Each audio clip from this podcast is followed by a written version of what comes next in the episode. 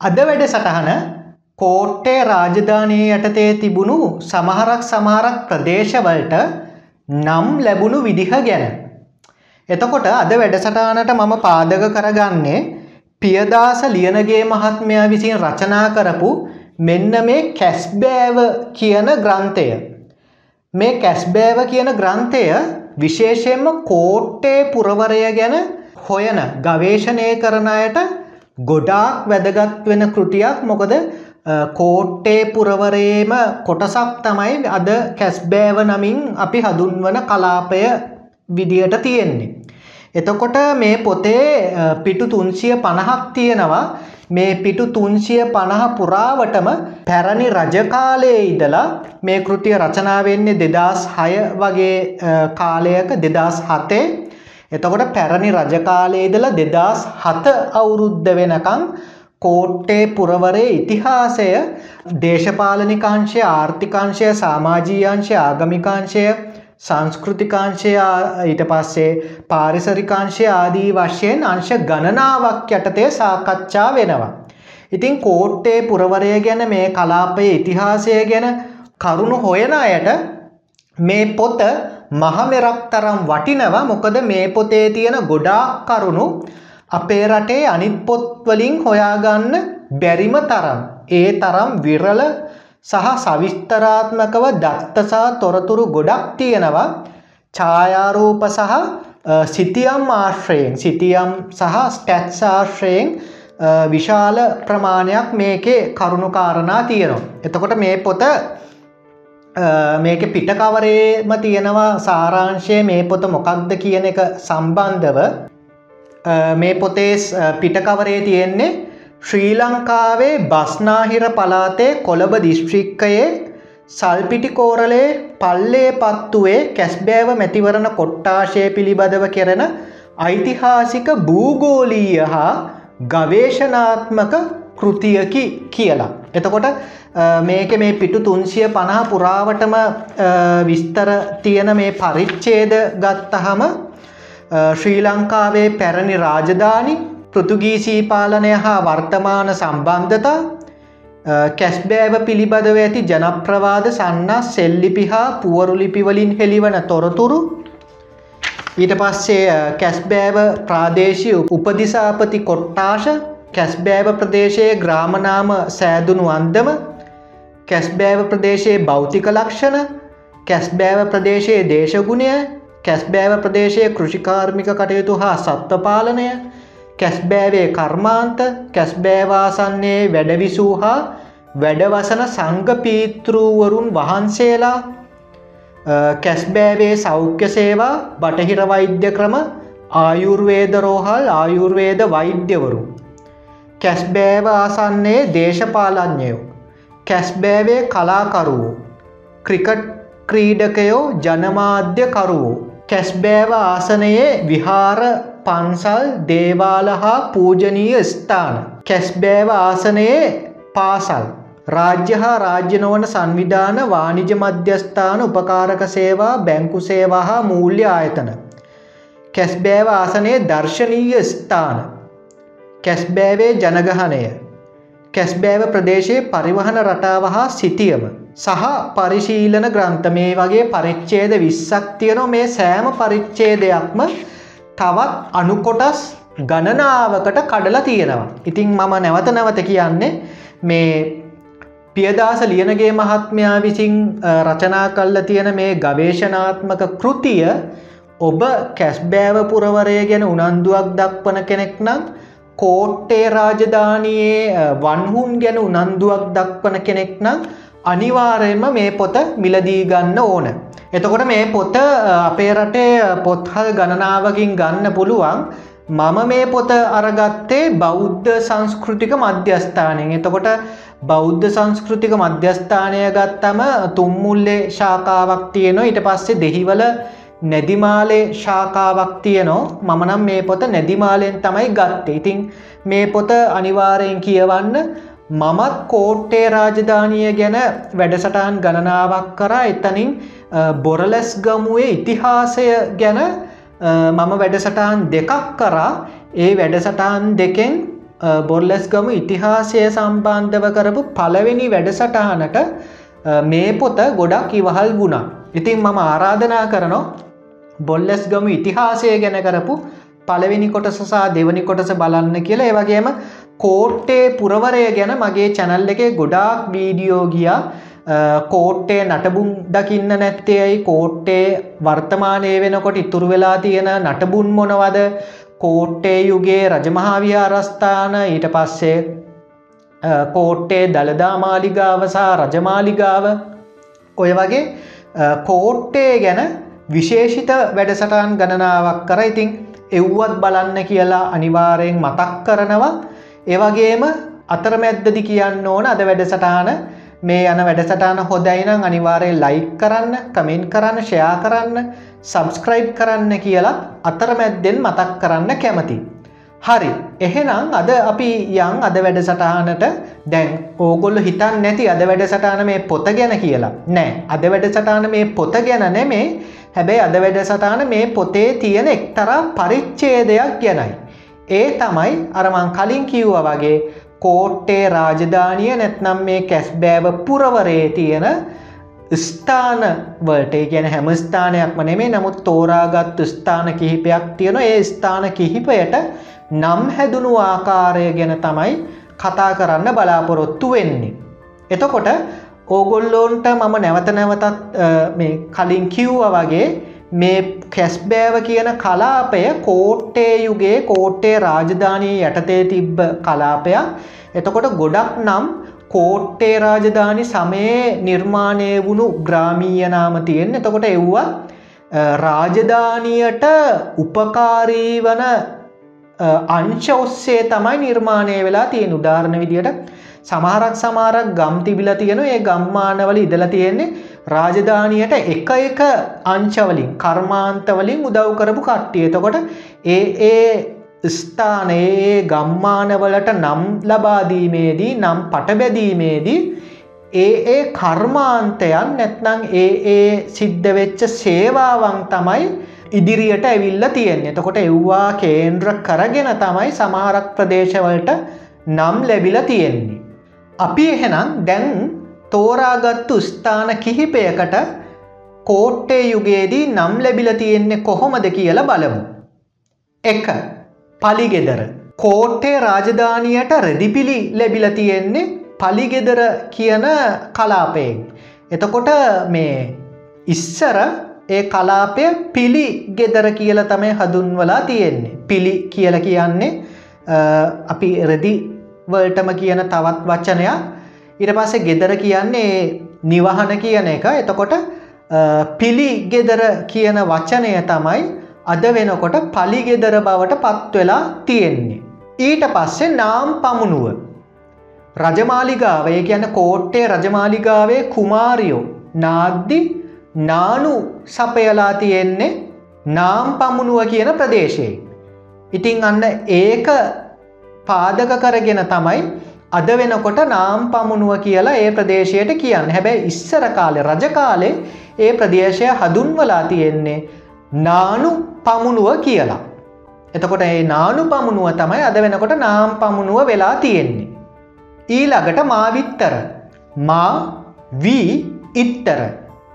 එතකොට මාවී කියලා ඒ වීජාතියක් තියෙනවා ඒක එකක් ඉත්තර කියල කියන්නේ ඉහළ ප්‍රදේශය කියන අර්ථය. එතකොට රජමාලිගාවට අවශ්‍ය කරන මාවී සපයපු ප්‍රදේශය තමයි මාවිත්තර කියල කියන්නේ. මා වී ඉත්තර කියන වචන තුන එකතු වෙලා තමයි මාවිත්තර කියන නම ග්‍රාමීය නාමය හැදිල තියෙන්නේ. පිනිදිය ගාරය. රජමාලිගාවට පැන් සපයලා තියෙන්නේ පිනිදිය ආර කියන පොකුණෙන්. එතකොට පිනිදිය ආර තමයි පිනිදිය ගාර විදිහට පරිවර්තනය වෙලා ඇවිල්ල තියෙන්නේ පිනිදිය ගාරය කියලා. ඊළඟට කිරිගම් පමුණුව.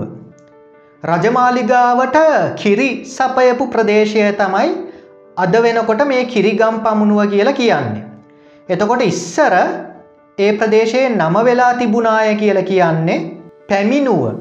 එතකොට කිරි කියල කියන්නේ කිරිවලට ගම් කියන්නේ ගම්මානය කිරිගම් පැමිණුව තමයි අද වෙනකොට කිරිගම් පමුණුව බවට පරිවර්තනය වෙලා තියෙන්නේ කියන්නේ රජමාලිගාවට කිරි සපයපු ප්‍රදේශය. එතකොට ඒක එක්තරාකාරයකින් දැන් පැමිණුව කිව්වම ගෙන එනවා පැමිණෙන්න කියන එකත් එෙනවන එතකොට කිරි ගෙනාපු ගම්මානය කියන අර්ථයත් එක්තරා විදියකින් දක්වන්න පුළුවන්. ඊළඟට කාලියම් මහර. එතකොට අපි දන්න දෙයක් තමයි කෝට්ටේ යුගයේදී බ්‍රාහ්මණ වංශිකයින් නැත්නම් බ්‍රාහ්මණ දහම පිළිගත්තු අය බ්‍රාහ්මණී හිටියාය කියන එක. එතකොට කෝට්ටයුගේදී රජ්ජුරුවෝ සමාරක් සමාර බ්‍රාහ්මණ වංචිකයින්ට එගොල්ලොන්ගේ යාගහෝම කටයුතු කරන්න විවිධ ගම්පලාත් ප්‍රධානය කරා කියලා කියවෙන. එතකොට කාලියම් මහර කියන ප්‍රදේශයට නම ලැබිල තියෙන්නේ කාලි අම්මා මහර.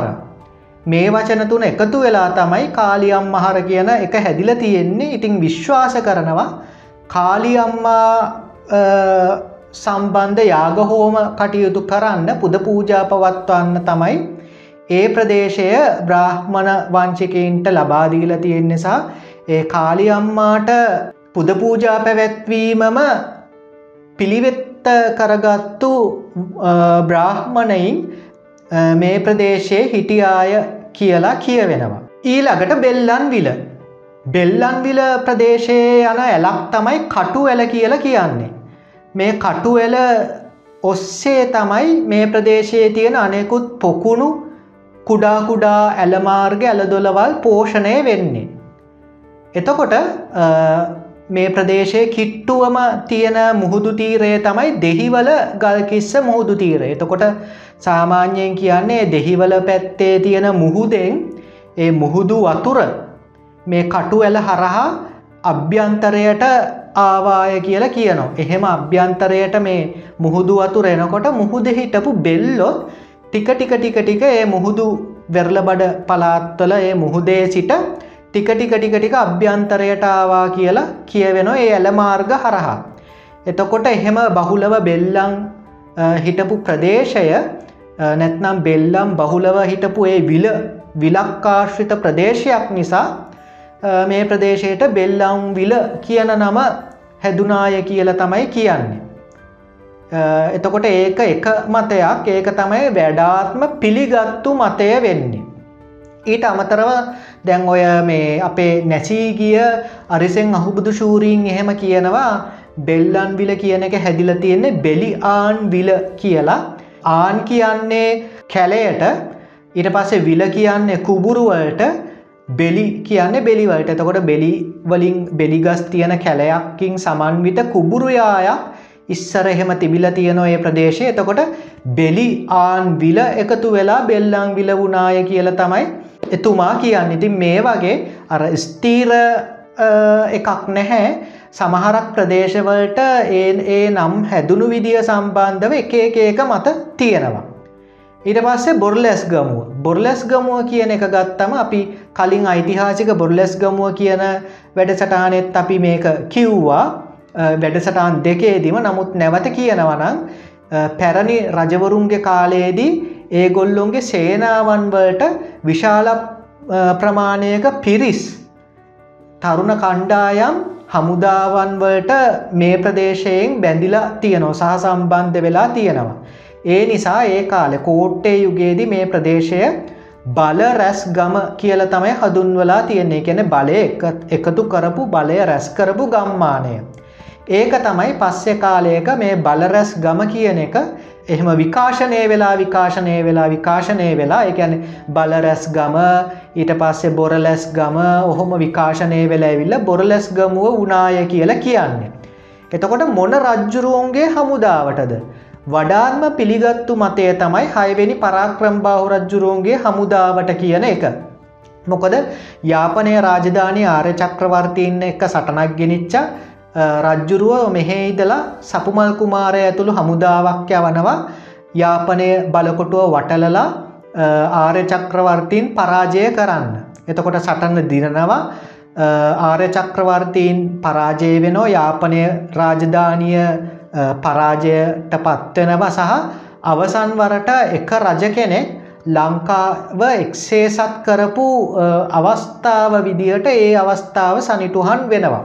එතකොට වඩාත්ම පිළිගත්තු මතය තමයි හයවෙනි පරාක්‍රම් බව රජ්ජුරුවන්ගේ කාලේ යාපනය යුද්ධය වෙනුවෙන් මේ ප්‍රදේශයේ පිරිස් සිංහල හමුදාවට එකතු වනාය කියන එක තවත් මතයක් තියෙනවා හයවෙනි විජයබාහු රාජ්‍ය සමේ විජයබා කොල්ලයට ඒ කියන්නේ හත්වනි බුවනක බාහු මායාදුන්නේ සහ පසුකාලයක රයිගම් බණ්ඩාර නමින් රජවුණු ඒ කුමාරයා.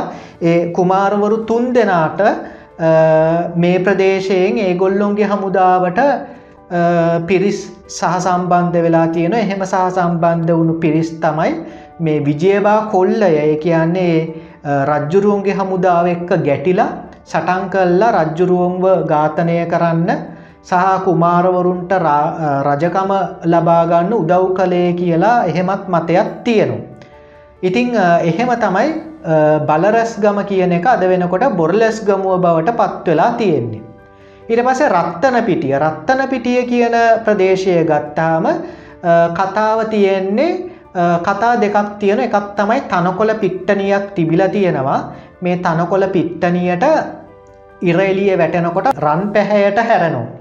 ඒ නිසා රත් තනපිටිය රත්තන පිටිය වුණා කියලා කියනවා. තව සමාරු කියනව වචනය පරිසමාප්තර්ථයෙන්ම ඒ තනකොළ රන්වන් පාටයි කියලා. ඉතින් ඒ නිසා රත් තන පිටිය රත්තන පිටිය වුණාය කියලා එහෙමත් මතයක් තියෙනවා. ඊළඟට දිවුල පිටිය. මේක ගැන මත දෙකක් තියෙනවා. පළවෙනි මතය තමයි දැන් පිටියක් කියල සාමාන්‍යයෙන් කියන්නේ විශාල එලිමහන් ප්‍රදේශයක් යායක් කියන එක. එතකොට දිවුල පිටිය කිව්වාම සමහරු හිතනවා දිවුල් ගස් විශාල ප්‍රමාණයක් තිබිච්ච ප්‍රදේශයක් නිසා දිවුල දිවුල් පිටිය දිවුල පිටිය වුණාය කියලා. එවගේම අනිත් අතට සමහරු හිතනවා කෝට්ටේ රාජධානය අරම කලින් කියපු කතාවේ කියන බ්‍රහ්මණ වංචිකයෙන් ඉදල තියෙනවා බ්‍රාහ්මණ වංචකින් යාගහෝම වතාවත් කරන්න එක එක තේවා කටයුතු සිද්ධ කරලා තියෙනවා. ඒවැයින් එකක් තමයි ශබ්ද පූජාව. ඉතිං එතනින් අර දවුල් ඒගොල දවුල් භාවිතා කරලා තියෙනවා. ඉතින් දවුල් හරබ ඒ ඇන දවුල්වාදන පුහුණුව සඳහා ඒගොල්ලො ඒ වර්තමානයේ දිවුල පිටිය ප්‍රදේශය තෝරගෙන තියෙනවා. ඒගොල්ලො ඒ ප්‍රදේශයේ ජීවත් වෙච්චයි දවුල් හරබ කරපු කට්ටිය දවුල් ගහපු කට්ටිය. ඉතින් දවුල් පිටිය දිවුල පිටිය වුණාය කියලා විශ්වාසයක් තියෙනවා. ඊළඟට රත්මල් දෙනිය. රත්මල් දෙනිය ගැන කිව්වොත් ඒක වචනය පරිසමාප්තර්ථයෙන්ම තියෙන විශ්වාසය තමයි රත්මල් ගස් ගොඩාක් තිබ්බ ප්‍රදේශයක් ඒ නිසා ඒ ප්‍රදේශයට රත්මල් දෙනිය කියලා නම වැටුනාය කියන එක. ඊළඟට සුවාර පොල සුවාර පොල කියන එක හැදිල තියෙන සිව්වාර පොල කියන එක එකතු වෙලා කියන්නේ අතීතයේ වෙලද පොලක් ගැන පොලක් පවත්වලා තියනෝ ඒ ප්‍රදේශයේ ඒක දවස් හතරක් තිබිල තියෙනවා. සිව් කියන්නේ හතර වාර කියන්නේ දවස් ගාන නැත්නම් වාර සංඛ්‍යාව පොල කියන්නේ පොලට. ඉතිං අර දවස් හතරක්ගේ ප්‍රදේශයේ පොල පැවැත්වව නිසා වාර හතරක් සිව්වාර පොල සුවාර පොල වෙලා තියෙනවා. වෑවල වෑවල ප්‍රදේශයට වෑවල කියල නම වැටිල තියෙන්නේ වැවේ වල කියන වචන දෙක එකතු වෙලා. අතීතේ මේ ප්‍රදේශය තිබ්බ වැව ගොඩ වුණාට පස්සේ ඒ වැව මැද්දෙ ලොකු වලක් හැරිලා තිබිලා තියෙනවා. ඉතින් ඒ නිසාලු වැවේ වල කියලා ඒ හදුන්වපු නම වෑවල ගුණාය කියලා කියන්නේ. ඊළඟට දම්පේ දම්පෙ කියන ප්‍රදේශයට නම වැටිල තියෙන්නේ අතීතයේ දම් ගස් විශාල ප්‍රමාණයකින් සමන්විත ප්‍රදේශයක් නිසා. එතකොට දම් පේ කියන වචන දෙක එකතු වෙලා දම් පෙවුනා කියල තමයි කියන්නේ. ඊළඟට හල්පිට හල්පිට කියන ප්‍රදේශයට නම ලැබිල තියෙන්නේෙත් වචනය පරිසමාප්ත අර්ථයෙන්ම හල්ගස් විශාල ප්‍රමාණයක් තිබ්බ නිසා. ඉතිං හල් පිටිය කියන එක තමයි පස්සෙ කාලයක හල් පිට වුණා කියලා කියන්න. එතකොට ඔය හල්පිටි කෝරලය නැත්න සල්පිටි කෝරලය කියලා කියන්නත් මේ ප්‍රදේශයේ මේ තියෙන හල්පිට නම මාතෘකා වුණා කියලා සමහර පැරැන්නො විශ්වාස කරනවා. ඊළඟට බෝකුන්දර. බෝකුන්දර කියන ප්‍රදේශයට නම ලැබිල තියෙන්නේ බෝ තුන දොර කියන වචන තුන එකට එකතු වෙලා. ඒ ප්‍රදේශය ඉස්සර තිබ්බ විලට යන්න පාරවල් තුනක් තිබිල තියෙනවා. ඒ පාරවල් තුනේම එතෙන්ට ඒ පාරවල් තුනේම ඒ ඇතුළු වෙන ප්‍රදේශයේ බෝගස් තුනක් තිබිල තියෙනවා. ඉතිං ඒ නිසා බෝ තුන් දොර එකැනෙ බෝගස් තුනක් තියෙන දොර දොරටුව ඒ කියන්නේ විලට යන පාර ඉතිං යන්න එහෙම තමයි බෝතුන් දොර බෝකුන්දර වුණා කියලා කියන්නේ. මොරෑද ඉස්සර මේ ප්‍රදේශයේ තියෙන කුබුරු කල්ල තියෙන තට්ටුමාරු ක්‍රමයට. ඒ නිසා ඉස්සර මේ ප්‍රදේශයේ කුබුරු හදුන්වලා තියෙන්නේ මුර අන්ද කියලා. මේ මුර අන්ද විදියට හදුන්වපු ප්‍රදේශය තමයි අද වෙනකොට මුර ඇද කියලා පරිවර්තනය වෙලා මුරෑද කියලා හැදෙන්නේ.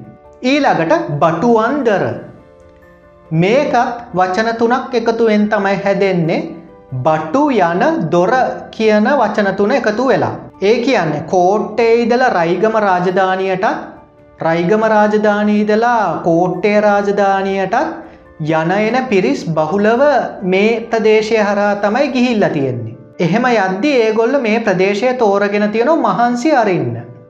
ඉතින් ඒ නිසා තමයි බටු යන දොර බටුවන්දර වෙන්නේ. එතකොට බටු කියල කියන්නේ පැමිණෙනවා කියන අර්ථය. යන කියන්නේ යනවා කියන එක. දොර කියන්නේ ඒ සීමාව නැත්නං යම්කිසි ප්‍රදේශයකට ඇතුල් වෙනකොට අපි හගවන වචනයක්. එතකොට එහෙම තමයි බටු යන දොර බටුවන්දර බවට පත්වෙලා තියෙන්නේ. මකුළු දූව මකුළු දූව කියන ප්‍රදේශය දූපතක් විදියට තියෙන්නේ ඉස්සර කුබුරු යාය. නමුත් මේක කුබුරු කරන්න බැරි වෙනවා මේවේ මකුළු මැටි හම්බ වෙලා තියෙනවා මකුළු මැටි ගහනයි. ඒ නිසා මේ ප්‍රදේශය කුබුරු කරන්නතු අතඇල්ල තියෙනවා ඉතිං මංකිවන දූපතක් කියලා එතකොට දූපත කියන අර්ථයට සමාන පදයක් තමයි දූව කියලා කියන්නේ. මකුළු කියන එකෙන් අර්ථවත් වෙන්නේ මකුළු මැටි. එතකොට මකුළු මැටි සහිත දූව තමයි මකුළු දූව විදිහට පරිවර්තනය වෙලා එන්නේ ග්‍රාමීය නාමයක් විදිහට. ඊළඟට ගොරක පිටිය. ගොරක පිටිය කියන නම හැදිලා තියෙන්නේ වචනයේ පරිසමාප්ත අර්ථයෙන්ම ගොරකා පිටිය කියන වචන දෙක එකතු වෙලා කියල තමයි දැන්ට තියෙන විශ්වාසය. කියන්නේ ගොරක ගස් ගොඩක් තිබිලා තියෙනවා. එකන ගොරක ගස් පිටියක් තිබිල තියෙනවා. ඉතින් ඒක තමයි ගොරක පිටිය විදිහට නම ඇවිල්ල තියෙන්නේ. පැලෑන් වත්ත. පැලැන් වත්ත කියන නම හැදිල තියෙන්නේ පැලෑන් සහ වත්ත කියන වචන දෙක එකතු වෙලා. දැන් අපි කලින්නම් රජ්ජුරුවන්ගේ කාලය ගැන කතා කර කර හිටියේ. නමුත් පැලැන් වත්ත කියන එක මේ මහනුවරයුගෙන් පස්සේ කියන බටහිර අධිරාජ්‍යවාදීන් අපේ රට යටත් කරගත්තට පස්සේ ආපු නම. පැලෑන් කියලා කියන්න ප්ලෑන් එකට ප්ලෑන් ප්ලෑන් කියන ඉංග්‍රීසි නම නැත්නා සැලසුම කියන එක තමයි අපි සාමාන්‍යයෙන් ප්ලෑන් කියන එක සිංහලෙන් පැලෑන කියලත් කියනවා. එතකොට වත්ත කියල කියන්නේ වත්තට එතකොට මේ ප්‍රදේශ ඉස්සර බටහිර ජාතිකයෝ බ්‍රිතාන්යෝ යම් යම් නිවාසි ඉදිකරන්න යම් යම් දේවල් ඉදිකරන්න සැලසුම් කරපු ප්‍රදේශයක්. පැලෑන් ඇන්ද කියල තමයි කියන්න එතකොට පැලෑන් වත්ත පැලැන් වත්ත වනා කියල තමයි විශ්වාස කරන්නේ.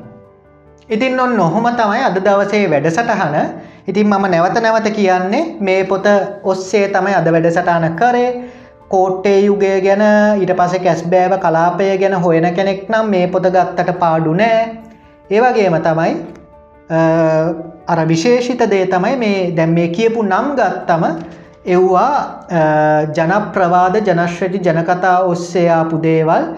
සමහර එව්වා ඒ නම් හැදුන එහෙමයි කියන්න පුළුවන් විදිහට තහවුරු කරගෙන තියෙනවා.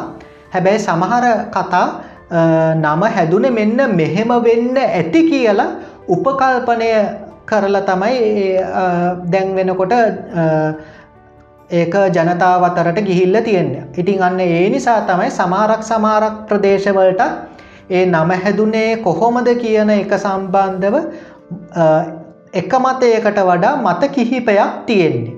ඉතින් මා හිතනවා අද වැඩසටානෙත් මොකක් හරි නොදන්න යමක් දැනගන්න ඇති කියලා ඉතින් බොහොම ස්තුති මෙච්චර වෙලාවක් මේ වැඩසටානත් එක්ක රැදිල හිටියට නැවතත් මේ වගේම වැඩසටානකින් මුණ ගැසෙන තුරු ඔබ සැමට සුබ දවසක්